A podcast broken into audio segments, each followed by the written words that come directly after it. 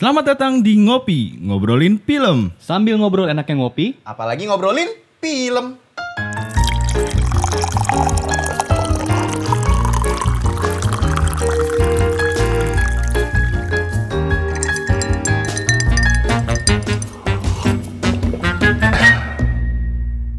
Oke. Hey, welcome to Ngopi, ngobrolin film.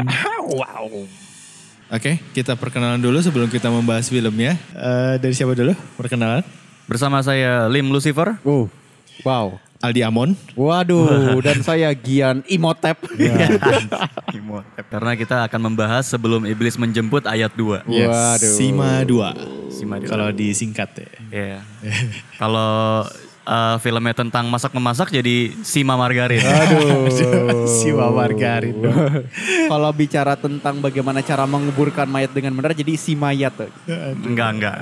aduh, aduh, aduh. Yuk, aduh. yuk langsung ya bahas Yuk, ya. oke. Sebelum kita ngobrolin filmnya, kita dengerin dulu trailernya. Trailernya. Lo tau tempat ini? Tadinya tempat ini penuh dengan kehangatan untuk anak-anak yang tidak diinginkan oleh orang tua mereka sendiri. Sampai beberapa tahun berlalu, rumah ini berubah menjadi tempat yang mengerikan.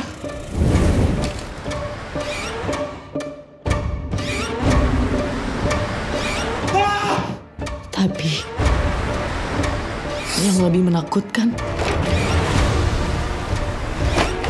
justru mengetahui kegilaan ini benar-benar nyata.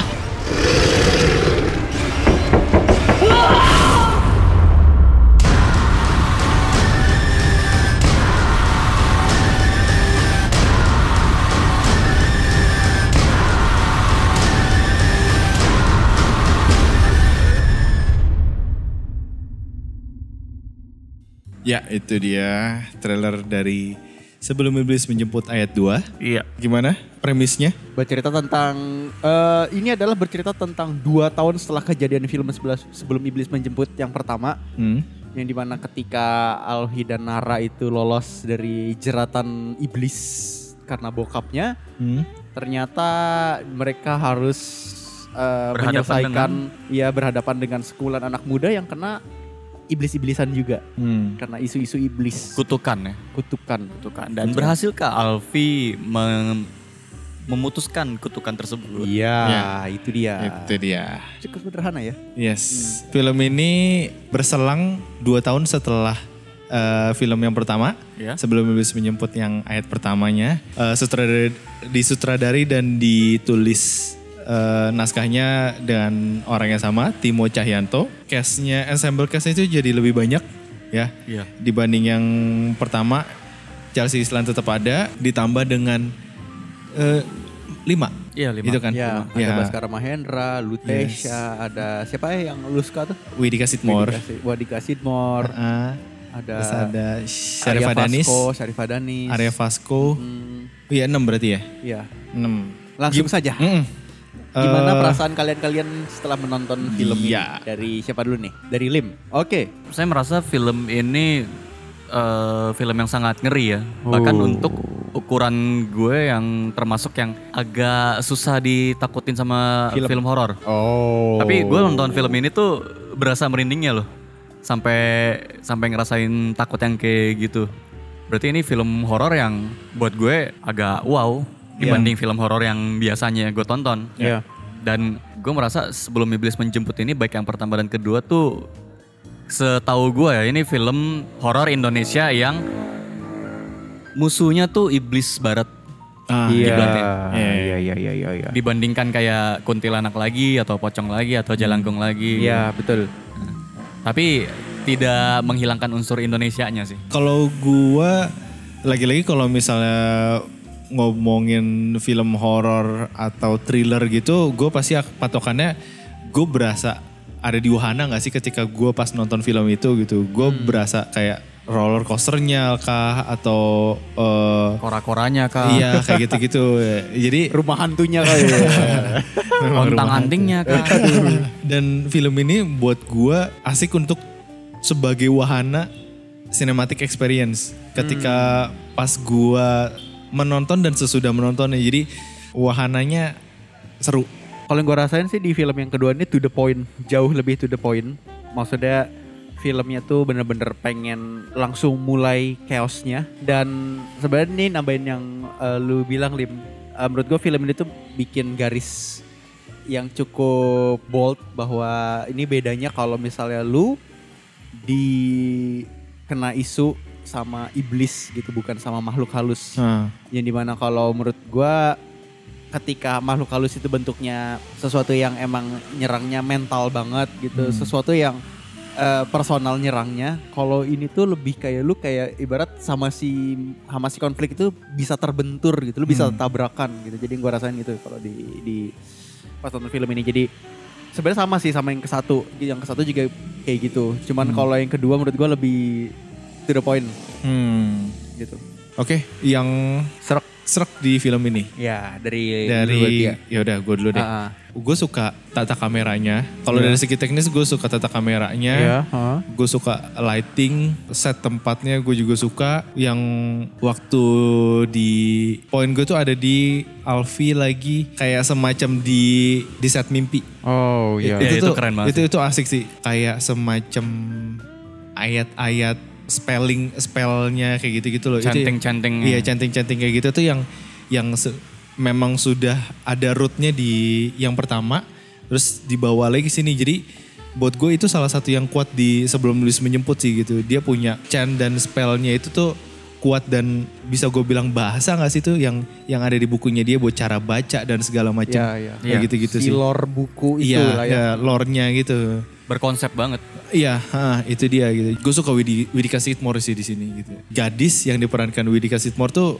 wah anjir, ini orang ternyata bisa juga dibikin karakter seperti ini gitu. Karena sebelumnya gue ngeliat di web seriesnya dia, Yang sama Yandi eh, Lawrence yang ya. sama Yandi Lawrence gitu, yang sama Ringo Agus Rahman juga. yang ketukar badan ya sama itu loh. Darius. yang- Iya gitu.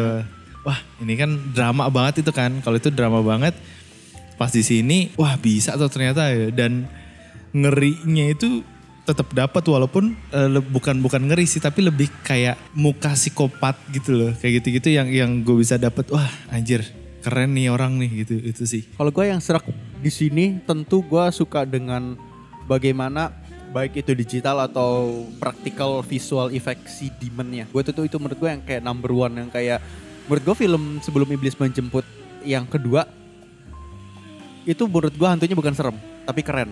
Hmm. Gua suka secara iblisnya tuh, sorry iblisnya itu keren. Hmm. Gua suka iblisnya baik, suka dengan bentuk kayak ini tuh sama kayak waktu gue suka sama si setan muka merahnya Insidious. Gue ya emang dia ditugaskan untuk menakuti audiens, tapi gue suka gitu. Ini keren, ini karakter, ini adalah karakter yang yang mungkin kalau gue nontonnya waktu gue masih kecil atau gimana nih karakter jadi karakter referensi kalau gue mau bikin Iya. iblis-iblisan Iya, gitu, iya, iya. gambar-gambar iblis gitu. Jadi keren banget gitu. Apalagi si Iconic Moloch banget ya. molochnya gue kayak itu yang sampai gue nanti masuk ke hal yang kurang serak gitu ada part di molochnya terus Hmm. eh, gimana si eh, si creature it eh, si iblis di dalam film ini tuh kayak konsep eh, mereka konsisten dengan iblis itu reinkarnasi lu kalau kesurupan iblis tuh kenapa orang banyak pengen kesurupan iblis di sini cukup bisa ngasih motivasi yang jelas karena lu jadi superhuman gitu. Iya. Gue juga kayak hmm keren asik juga. Levitas, Iya. satanis, levitas, duing duing duing gue. Minjem duit dong? Nggak bawa? Satanis, Levi- levitas. Iya iya iya nih nih ambil ambil. Aduh. Satu yang gue perhatiin suka dari garapan film ini, yang gue berharap ini bisa menular ke banyak filmmaker horror lainnya adalah, gue ngerasa hantu ini muncul munculnya tuh nggak males. Dia bisa memposisikan sesuatu yang muncul itu sederhana tapi di tempat yang sangat unusual sehingga itu yang bikin serem menurut gue. Hmm. Jadi bukan yang cuma sekedar jump scare ngagetin, tapi dia munculnya aneh banget dari dari dari cel- dari selipan loteng makhluk dengan kondisi lehernya patah jadi geleot-geleot kepalanya. Jadi dia bisa menghadirkan sesuatu yang sebenarnya sederhana dengan anatomi kita tapi bisa mengerikan karena kita ngeliat kita bisa ngeliat banget nih ada yang aneh nih di sini. Molochnya pun kayak gue suka banget anatominya Moloch dia tetap masih menggunakan badan manusia cuman dia emphasize tangan kakinya panjang dan kakinya dom apa domba gitu Hmm. terus berwujud putih. Satu hal yang gue serak juga di film ini adalah filmmaker di sini tuh bisa menggunakan teror hantu itu dari kegelapan. karena yang gue perhatiin nih kalau film-film horor eh, Indonesia kita bicara Indonesia aja itu tuh biasanya suka mereka terlalu nggak sabar mau mamerin hantunya jadi pas hantunya muncul tuh dengan kondisi lighting yang bagus gitu. Nah di sini gue bisa yang bikin gue keren di film ini hantunya tuh di dalam kondisi yang lightingnya tuh kayak eh, ini ini oh ini kebalik pala oh nih kelihatan atau agak-agak mesti eh, merhatiin nih untuk tahu bentuk posisi hantu tuh lagi gimana lagi ngebungkuk kah atau lagi gimana gitu. Nah itu gue suka gue dia dia play with darknessnya tuh menurut gue menjadi nilai plus yang di mana justru itu bi- bisa menambahkan keterornya karena dia mengantisipasi salah lihat gitu. Kayak anjing anjing oh tata itu si gadis gitu. Padahal gue udah sempat ngeri anjir itu apa makhluk gepeng di di belakang pintu ternyata tuh si gadis emang karena dia poros badannya kurus kan? Oh orang gitu. Tapi kadang-kadang ada yang kayak pas lagi dari nyewer-nyewer nyewer-nyewer dari eh, Tirai. tirai Ah, ah. gue tahu ada bakal ada horor cuman gue yang bikin serem gue yang bikin gue deg-degan pas hantunya tuh muncul hantunya tuh bener-bener still diem dan film ini nggak ngasih nggak ngasih indikasi ada hantu di situ Hmm. lagunya nggak dikasih jeng nggak gitu jadi Yeah. bagi yang gue gue gue suka dengan silent terornya Hmm. silent shocknya sorry Yeah. Itu, cuy. Penampakan di dalam layar. Iya dan jadinya. dan dan film ini nggak nggak nggak nggak narsis gitu. Pas ditunjukin tuh nggak nggak nggak nggak terlalu dikasih kode nyeng nyeng nyeng kayak gitu. Ah. Biar lu kayak ah, shit shit gua doang nih yang lihat gitu Iya, kayak iya. itu diadain. Itu sih kalau gua overall dari um, yang gue suka di film ini adalah the creature itself gitu. Hmm. Kayak wow, kayak gua kalau ngedudel-dudel nge-sketch-sketch iblis-iblis kena kena referensi ini nih. gue gue nambahin pas lagi abis nonton film ini tuh kayak gue merasa ada beberapa reference-reference yang gue tahu dia make gitu loh. Yang yang gue suka adalah dia tahu referensi referensinya seperti apa, bikinnya seperti apa, dan hasil yang di outputnya itu bagus gitu loh. Iya. Kadang-kadang tuh ada yang referensinya udah oke, tapi karena nggak ngerti cara bikinnya gimana, jadinya Kayak outputnya tuh ya. jadi Iya. outputnya tuh eh sorry to say elek gitu loh. Jadi Iya, kayak iya, iya, iya. ah gue tahu nih sebenarnya maksudnya kayak gini tapi nggak kayak begini hasilnya Iya, gitu. iya. Kayak Dan gitu, yang lebih parah tuh kalau misalnya nggak bisa ngemasnya dengan baik malah jadi kayak plagiat kan. Iya, Iya, kayak kayak, dan bener. Tapi di film ini tuh sukses bikin homage-nya itu kayak kita Walaupun lu tahu ini tahu. tapi Iya. tapi ini Terinspirasi. bener-bener dan dan dan asik gitu kalau misalnya ngelihatnya. kalau gue sih eh, selain yang kalian sebut gue suka eh, scoringnya apalagi kayak bagian yang udah mulai ada canting-cantingnya gitu tuh menambah menambah tema di film ini sih lebih menguatkan tema di film ini kayak ini tuh iblis yang punya bahasanya sendiri gitu kayak kayak agak Latin-Latin gitu kan kedengarannya. Gue suka treatmentnya atau mungkin direction kali ya.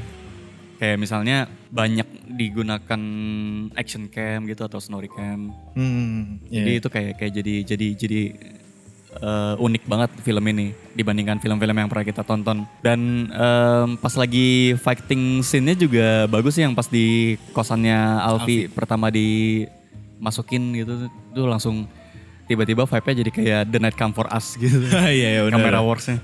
Sama gue suka sama setnya sih. Mungkin itu di bagian art kali ya. Jadi kayak misalnya ketika kita nonton satu scene, backgroundnya itu ber- bercerita gitu. Kayak misalnya di kosan Alfi kita bisa ngeliat ada pianika berserakan di lantai. Kita bisa tahu dari situ kalau si naranya tuh sekolah. Hmm. Karena kan nggak mungkin orang out of nowhere ah, beli pianika ah gitu kayak. Dan itu Agak- pianika, pianika sekolahan kan. Iya agak jarang kecuali lu member Bismillah Pasrah gitu.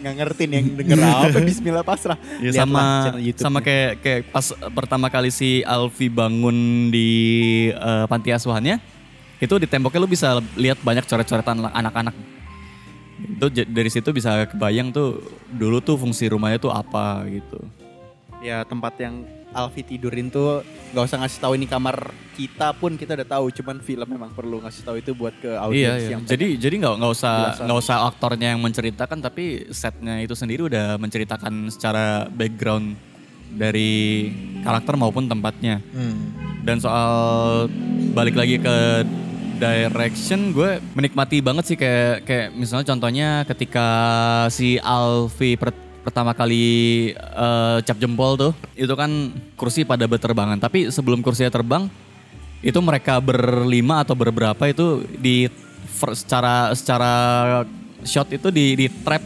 di, di dikurung di dalam bolongan kursinya. Iya iya iya. Kalau iya. misalnya lo inget di yang pas sebelum kursinya pada terbang, Aha.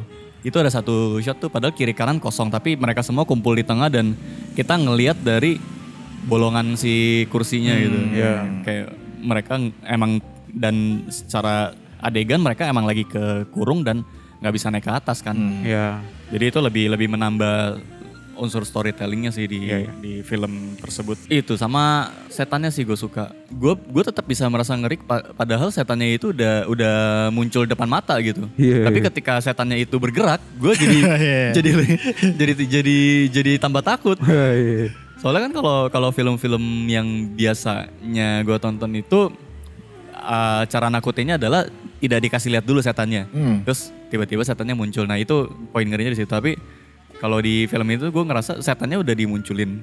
Gue gue udah tahu itu ada ada setan gitu. Maksudnya udah udah nggak ada chance buat jump scare lagi kan ibaratnya Hmm. Ya. kayak gue tahu nih setan depan mata. Tapi gue tetap kaget gitu. Iya. Pas setannya lagi beraksi. Iya. Bagi yang lagi mati nyalain lampu tuh gua gua gua takut gua takut karena sebegitu distortnya bentuk si hantunya. Wah. Iya iya iya iya. iya. Iya. Iya iya iya. Dan efeknya juga rapi sih. Iya Iya, iya. make up Iya. setannya bagus Iya. bagus, Iya. CGI-nya bagus. Mereka tuh eh, menurut gue yang bikin banyak filmmaker horror itu perlu mencontoh di sini adalah eh, mereka tuh combine. Jadi ada gue liat film horror itu kalau nggak praktikal doang, digital doang. Hmm. Nah itu dia nyampur. Dia Iya, pakai pakai sesuatu yang di praktikal, digital adalah dikasih buat em emphasize keanehannya. Hmm. Iya, iya. Hmm, Ah. Gitu. Menurut gue tuh yang brilian kayak jadi tidak menghilangkan kerennya practical make up effect gitu. Ya. Sama walaupun ini film tentang bercerita tentang iblis yang kiblatnya dari barat, Barat. tapi juga tetap ada dimasukin unsur Indonesianya kayak misalnya si Kristi pas ma- pas mati dia dipocongin kan. Hmm. Dan akhirnya itu jadi planting di adegan-adegan berikutnya ada eh, scene pocong. Ya, si Leo Scene itu. Ditakut-takutin pakai pocong. Ngeri. Gua Iya gua sih. gua Ah. lega sih tangannya keluar itu lebih serem Iya. kalau nggak keluar tangan. jadi kayak geliat tergeliat gitu. Iya, so kayak kayak kayak ulet gitu uget Iya, ada iya. pocong uget-uget kan ngeri Iya, banget. iya. Kayak bukan human banget gitu kelihatannya. Waktu pertama kali keluar tuh gue kayak ih boneless gitu serem tuh. Heeh. Ya sama sama film ini berani tega sama penonton gitu. Buat nunjukin semua kegori-goriannya dan kengerian yang diakibatkan oleh para iblis. Mungkin kita move on okay. ke part yang kita kurang yeah, serak kali. Okay. Boleh, boleh. Kurang serak. Sebenarnya part yang gue serak tuh adalah masuk ke yeah. dari experience yang gue rasain. Hmm. To the hmm. point. Yeah. To the point ini sebenarnya lebih banyak kurang serak dibanding seraknya. Karena gue mau bagaimanapun mau ini film horor atau film action yang di mana uh, utamanya itu adalah di treatment dan di uh, gimmicknya. Hmm pasti motonya tuh ke story ya gitu. Menurut gue story matters gitu dan menurut gue di sini yang dikorbankan storynya di film. Nah. 19 jemput 2 uh, contohnya yang mungkin hal-hal detail mungkin ya yang kayak menurut gue agak sedikit disayangkan ada tuh kayak Nara dan Alfi ini udah dua tahun berlangsung pas waktu adegan mereka masuk lagi ke si apartemennya seakan-akan tuh baru terjadi setengah jam setelah film ke satu gitu. Hmm. Gua gua ngeliat kayak uh, si si dua tahun gap ini tuh cuman ada di headline koran-korannya waktu si gad, temannya gadis itu ngeliat. Dan itu gua ngeliat Alfi sama Nara nggak seperti seseorang ini yang melewati dua tahun pasca kejadian film pertama gitu. Itu satu. Yang kedua gue sebenarnya agak menyayangkan bahwa film ini tuh si Alfi dan Nara dia follow. Dia nggak ngelit mereka berdua tuh nggak ngelit cerita. Yang ngelit cerita adalah si anak-anak panti asuhan yang menurut gua story wise mereka mungkin akan lebih bijak kalau misalnya di posisinya subplot karena menurut gua yang harusnya ada di depan nih justru molohnya moloh di sini kan cuma ada di akhir kan. Padahal moloh itu kan sesuatu yang udah ada dari film ke satu tapi dia layer paling bawah kan. Dia nggak pernah dia cuman ke mention doang. Tapi dia nggak dia dia di film kedua itu dipakai buat ngehook entah berharap ada film ketiga atau gimana. Padahal gue gue berharap dengan struktur yang terjadi di film kedua ini adalah Moloch itu relationship sama Alfinya adalah menjadi benang merah film ini si anak panti asuhan adalah salah satu sebab akibat sesiapapun yang mendekat yang dekat sama Alfi ya pasti kena chaos gitu bukan ini kalau ini kebalikannya Alfi nara kayak udah aman adem ayem dengan si anak-anak panti asuhan malah jadi kena chaos jadi seakan-akan gue jadi nggak ngerasa intensitas relationship antara Moloch dan si eh, Alfi gitu. Jadi kalau gue sebenarnya itu aja, cuman itu yang paling matters justru menurut gue. Itu yang menurut gue membuat kenapa gue lebih suka film yang pertama. Tapi gue mau nambahin di eh, ketika mereka si, si Alfi dan Nara setelah melewati sebelum iblis yang satu itu gue bisa ngeliat dari make upnya sih jadi si Alfi itu kan kelihatan kantong matanya tebel banget kan gue bisa gue bisa ngebayangin si Alfi ini tiap hari susah tidur karena didatengin mimpi buruk terus gitu dan ada beberapa anak panti juga yang kalau misalnya kita lihat matanya berkantong juga gitu kan Udah lanjut dari lu yang kurang serak. Kalau gue kurang serak di dialog sih. Agak ada beberapa dialog yang kepleset jadi baku gitu. Padahal gue udah udah nyaman ngedengerin dialog yang sehari-hari gitu di, Hmm. di di film itu. Jadi kan ini jadi jadi jadi kayak agak campur sih sebenarnya di film ini. Ada ada ada part yang mereka ngomongnya eh, luas gitu kayak kayak ngomong sehari-hari. Tapi ada part yang tiba-tiba masuk jadi bahasa baku Hmm. dan itu gue agak kurang serak di situ gue pengennya tuh kalau bisa sih semuanya, di di sehari-hariin aja gitu semuanya Tapi Jadi kecuali yang luas sih. adegan molok itu nggak apa-apa deh Iya iya karena itu kan iblis yang mau in- iya itu kan, kan? eh, maksudnya iblisnya kan harus eh, berkomunikasi Iya. secara universal gitu Iya, kan iya. Iya. emang suatu entitas yang berbeda aja gitu Walaupun gue juga merasa mungkin yang part gue juga merasa tuh lim yang agak kurang serak. Tapi gue nih sempat curiga apa jangan-jangan sebenarnya di draft awal harusnya itu terucap dengan bahasa Inggris ya. Cuman kayak di draft Di draft draft draft, draft gitu, gitu jadi ya. ah di Indonesia aja lah gitu. Iya. Kali ya. Karena menurut gue adegan-adegan yang kaku misalnya kayak adegan akhir gitu yang kayak "Eh, kamu yakin buku ini nggak bahaya? Bahaya. Apa itu? Itu kan gue bayang ini kalau pakai bahasa Inggris keren, Ah. danger, ya, kayak kayak danger, ya kayak semacam itu lah. Itu kan phrase bahasa eh, penggunaan kata itu kan bahasa kiasan Inggris kan, yang kalau lu ngomong tadi nggak ngomong, eh, ini nggak bahaya, bahaya. Apa itu? Gak, gak yang gitu. Iya. Sama gue ngerasa eh, walaupun gue suka sama kemunculan hantu dan teror yang bertubi-tubi tapi gue ngerasa di film yang kedua ini tuh terlalu rata gitu pembagian terornya.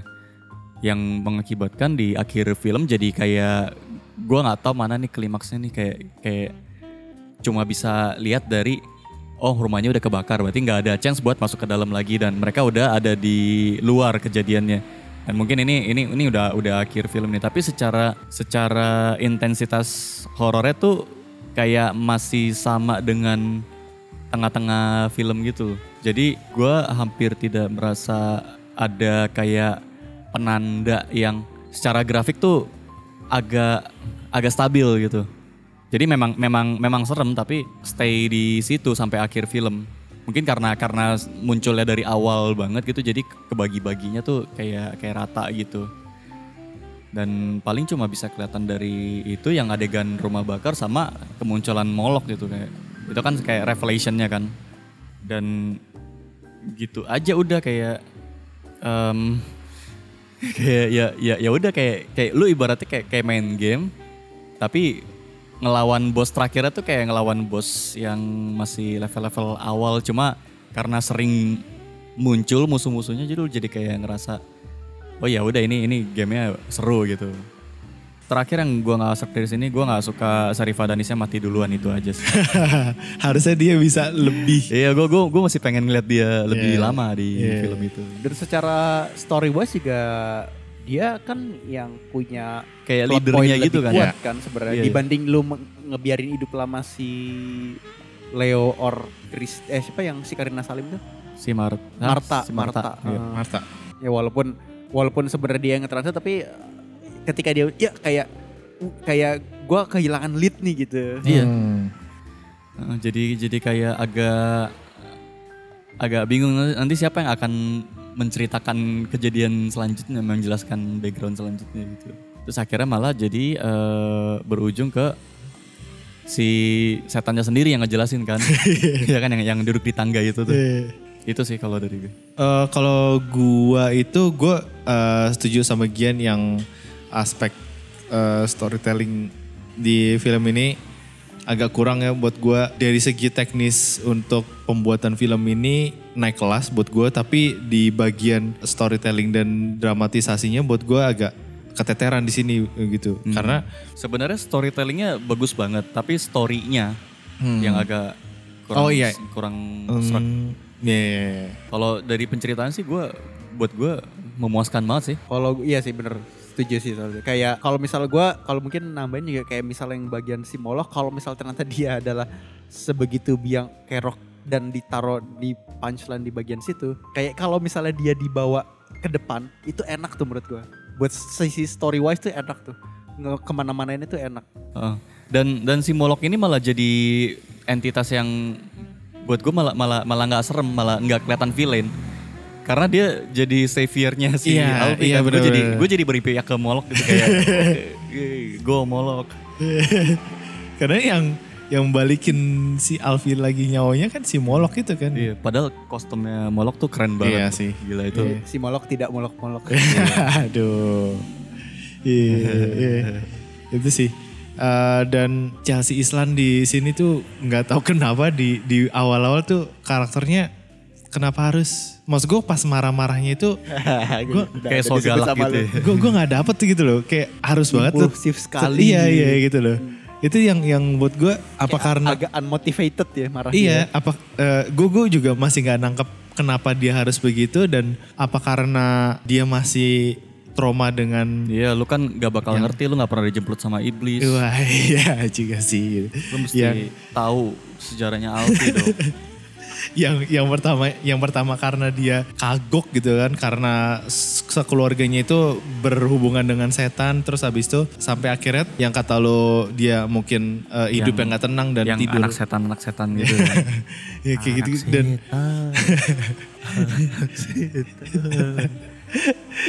Iya kayak gitu. Jadi eh, setiap kali ketemu orang tatapannya sangar. Terus eh, di apa ya lebih ke gue nggak tahu. Kayak bitter gitu jadi orangnya. iya dan bitter dan bitter. actingnya itu buat gue nggak masuk aja sih gitu. Kayak marah marahnya tuh nggak nggak dapet sih buat gue gitu. iya. itu aja. Eh, ya mungkin itu kata kata Gian motivasinya tuh nggak ada. Jadi mungkin di gue juga nggak dapet gitu kenapa? Kenapa marah banget sama orang ini? Marta Marta tuh silly ya buat gue pas lagi matinya gitu ya kayak gadis. Terus pokoknya tiba-tiba langsung dari yang depan udah keren eh, eh, kesurupan si eh, siapa Lutesia jadi si Kristi kesurupan terus wah itu gue kaget banget sih. It, eh gue itu harusnya stun ya? Atau Kayaknya- beneran Lutesianya yang Kayaknya yang Lutesianya deh. Ada ada eh, maksudnya ya ada stun tapi dia juga ikut berperan besar. Wah, jadi anjir, versi demon keren itu. banget sih. Kalau Lutetia bisa kayak gitu tuh keluar dari zona nyamannya dia sih se yang gue lihat acting actingnya dia gitu.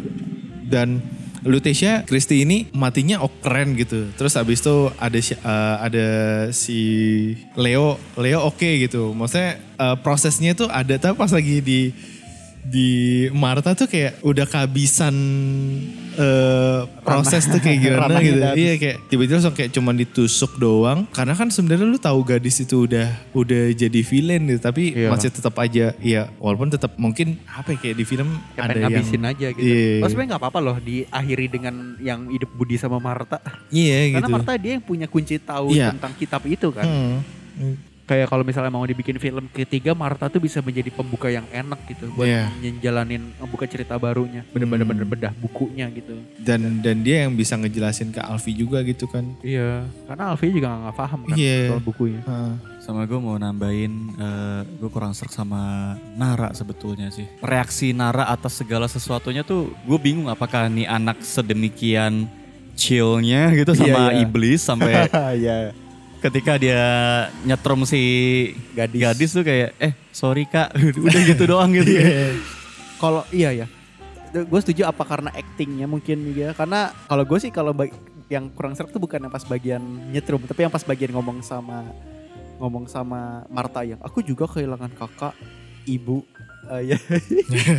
itu gue kayak hmm, Ah, yang pertama kali ketemu itu ya yang dikasih berani ya, yang dikasih buah itu ya. Iya, awkward soalnya. Nah terus eh, kalau misalnya udah bagi segmen yang kurang serak udah semua kan? Dah. Mungkin ini ini sedikit sedikit eh, trivia aja sih. Jadi setelah nonton gue baca-baca lagi Hmm. tentang Ayub. Referensinya tuh ternyata Ayub itu adalah sebuah sesosok Sebentar Ayub itu oh si hantu utamanya ya. se- si bokapnya itu Hmm. bokap-bokap panti asuhan itu adalah eh, tokoh di Alkitab yang diceritakan di dalam Alkitab itu mem- membakar persembahan gitu. Jadi Hmm. mungkin ada ada referensinya dari situ gitu dan em, ada ada quote-nya di di dalam Alkitab kalau nggak salah si Ayub itu ngomong dengan telanjang aku keluar dari kandungan ibuku gitu jadi itu kayak ngingetin gue sama adegan terakhir sih yang keluar dari perut Oh iya, iya, iya. Ini keluar, keluar dari perut gadis ya. Itu Nah, dari terus dia Injil telanjang ya? juga gitu kan Itu referensi dari Injil ya? Dari Alkitab sih Oh, iya, dari Oh Injil. keren juga ya referensi Hmm. referensi Heeh. itunya. dan eh, iblis Molok juga emang Ya. ada literaturnya gitu. Jadi emang ini iblis yang disangkut pautkan dengan pengorbanan dan persembahan-persembahan gitu. gue nambahin sama sama kayak si Lim trivia trivianya tuh kemarin gue juga sempat ngebaca jadi eh, yang si Molok emang emang ada dari ya dari Injil gitu Eh, itu tuh eh, dewa sesembahan dewa sesembahan buat bangsa Amon dan bentuk si apa namanya si dewa eh, si Molok ini tuh emang eh, kepala Kayak kambing gitu ya. kepala kerbau Bertanduk speaking gitu. of Iya. Amon itu yang di Hereditary ya? Itu Paimon. Oh Paimon. Paimon. Jadi eh, kepala kerbau eh, si Alfi sempet nyebut Leviathan kan. Nah Bukan. itu tuh emang Levitas. Eh, Levitas. Levitas. Levitas. Levitas ya, Levitas itu emang buat nge-counter si Molok spellnya. Jadi kayak eh, itu juga ada di di Injil juga kalau nggak salah. Gue kemarin sempat baca di Wikipedia lagi-lagi di Google. Kayak kayaknya Levitas tuh ini deh. em, Levitas dari levitate kayak mengangkat gitu. Iya, iya, Tapi iya. kalau misalnya digabung satanis Levitas, setahu gue di Injil tuh ada frase enyahlah setan gitu. Hmm. Mungkin setara Iya, kayak iya, gitu kali ya. mungkin, iya, kayak gitu. istilahnya. Expecto patronum. Iya, Terus abis itu ada, gue lupa siapa yang bilang Stockholm Syndrome. Ya si itunya si, Al Si Al, Alfinya. si Alfinya walaupun, Ya, walaupun itu tuh- agak enak banget masuk ya. emang beneran ada ternyata gitu. Eh, artinya Stockholm Syndrome itu eh, sebenarnya kayak eh, lebih kayak ketika de- eh, ketika si korban itu lebih berempati dan simpati sama pelakunya. Penculiknya. Gitu. Iya gitu. Kayak si gadis ke Ayub. Ayub gitu loh. Ya, kayak Dan- V for Vendetta juga gitu kan. Yes gitu. Ya itu kalau misalnya gue ngeliat eh, sejarahnya ya karena dulu eh, di Stockholm ada ada perampokan bank gitu terus selama enam hari berturut-turut si perampoknya itu nyandra si orang bank di dalamnya Tapi dirawat. pas lagi mau di Sandra itu mau dikeluarin nah si Sandra ini itu malah bersi, bers- bersimpati ke yang nyandrain dia nyandrain dia karena udah terlalu lama di situ dan Baper ya. iya mungkin kayak Baper gitu sama ya. penyandranya. Iya kayak gitu-gitu lah. Dan pas lagi ditang udah ditangkap si pelakunya itu si orang yang disandra itu malah nggak mau buat jadi saksi. Ya. Jadinya itu yang meringankan si pelaku itu. Kayak gitu. Oh. Itu yang bikin susah si pelaku itu untuk ditangkap Dan eh itu untuk di kejadiannya di Stockholm. Stockholm gua gua lupa tahun berapa gitu. Pokoknya makanya dinamain Stockholm Syndrome. Oh, Oke. Kayak gitu-gitu. Itu trivianya sih. Sama Beberapa ini trivia gua. ada ada trivia lagi tapi mungkin gue eh, cocok logi ya. Jadi gue merasa si Timo ini sebagai filmmaker dia ka- pengen kasih statement dia benci banget sama kaum pedofil. Hmm. Kelihatan dari beberapa film yang munculin pedofil yang di disiksa atau di di dimatiin di dalam film Hmm. itu gitu. Kayak Hmm. misalnya eh, di film ini si Ayub kan si Ayub Hmm. kan pedofil kan. Hmm. Terus di film eh, Libido Hmm. itu kan ada adegan Libido tuh VHS ya? iya Ah. VHS. sama di The Killers. Oh, eh, iya. The Killers. Eh, Eh, enggak dong. Iya, The Killers. Killers, Killers. oh yang di hutan? Yang di bathtub ya. yang di bathtub. Ah. itu Oh, kan di ada anak kecil di rantai itu. Hmm. Habis itu si Epi Kostandarnya di dibunuh kan sama si Oka Antaranya. Oh, oh yang situ ya. Iya.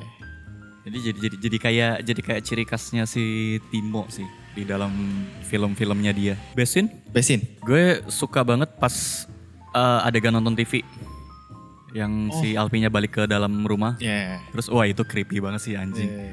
Ini saya membahasnya saya sudah membuat saya merinding kembali gitu. Iya. Dan di sekuensi itu sampai kalau nggak salah lorong lorong si lantai duanya si rumah itu yang oh, banyak asap dan segala macam itu tuh itu yang salah satu yang bikin gue miss eh, di bagian teknis eh, Ah, iya, iya. pengemasan filmnya gitu yang Dreamlike gitu ya. Iya dan dreamlike gue jarang jarang ngelihat film Indonesia yang dibikin seniat ini gitu.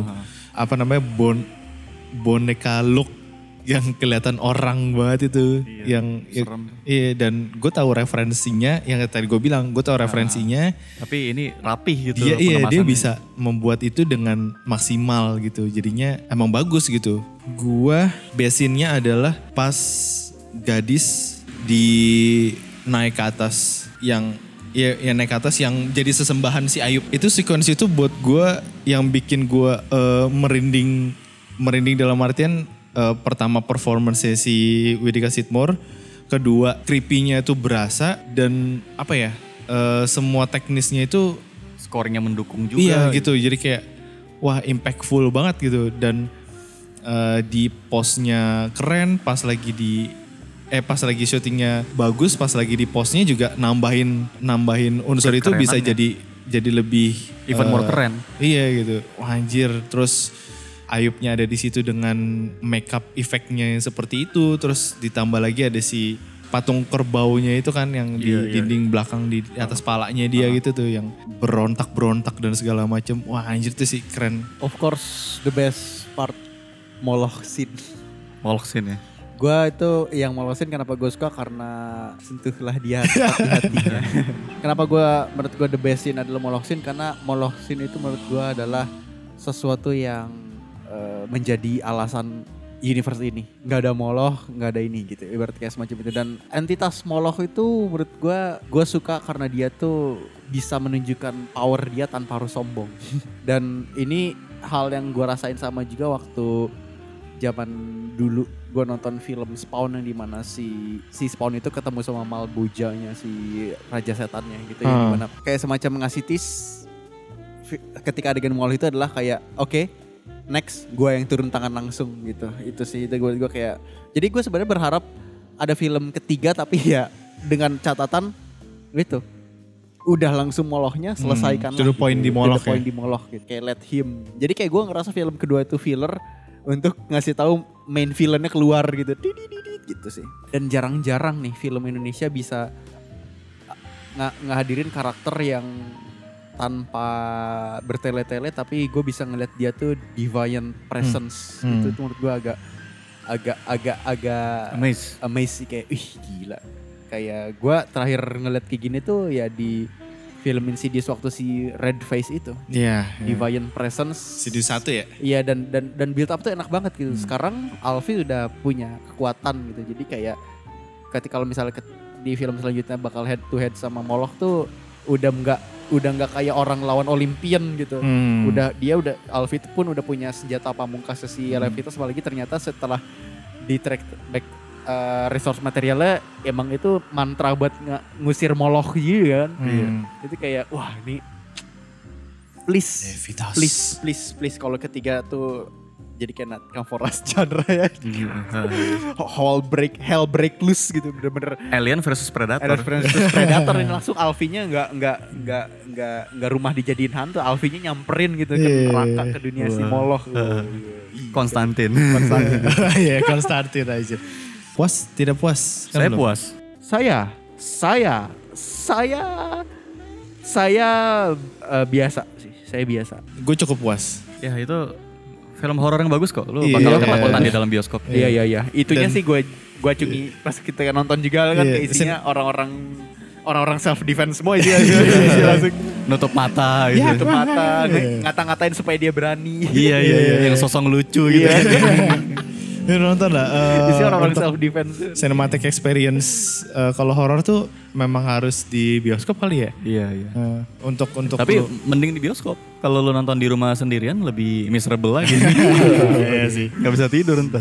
Udah nih? Udah? Udah udah. Sip. Eh, segitu dulu pembicaraan kita tentang Sebelum Iblis Menjemput dua. Yes. Eh, terima kasih teman-teman yang udah mendengarkan sampai saat ini. Kalau misalnya kalian suka sama podcast ini silahkan di follow di kita di Spotify, di Google Podcast, dan di Apple Podcast dan juga di platform podcast lainnya. Kalau misal kalian punya kritik, saran, kita mau bahas film apa, silakanlah colek-colek kita di Twitter ada di @roadkillpic atau di Instagram @roadkillpictures. Kalau misalnya kalian mau ngobrolin personal dengan kita-kita di gua ada di Rinaldi underscore Alexander. Gue di Giandra underscore Raka itu Instagram, Youtube juga ada Cinema Journey with Gian. Nanti ya saya update ya. Dan gue ada di Instagram juga @trimusaurus. Sekian pembicaraan kita tentang sebelum, Sebelum Iblis menjemput Menjemput ayat 2. Sampai jumpa di episode berikutnya. Dadah. Untuk Satanis Levitas. untuk ini untuk next kita putarkan lagu Sentuhlah Dia dari Ari Lasso.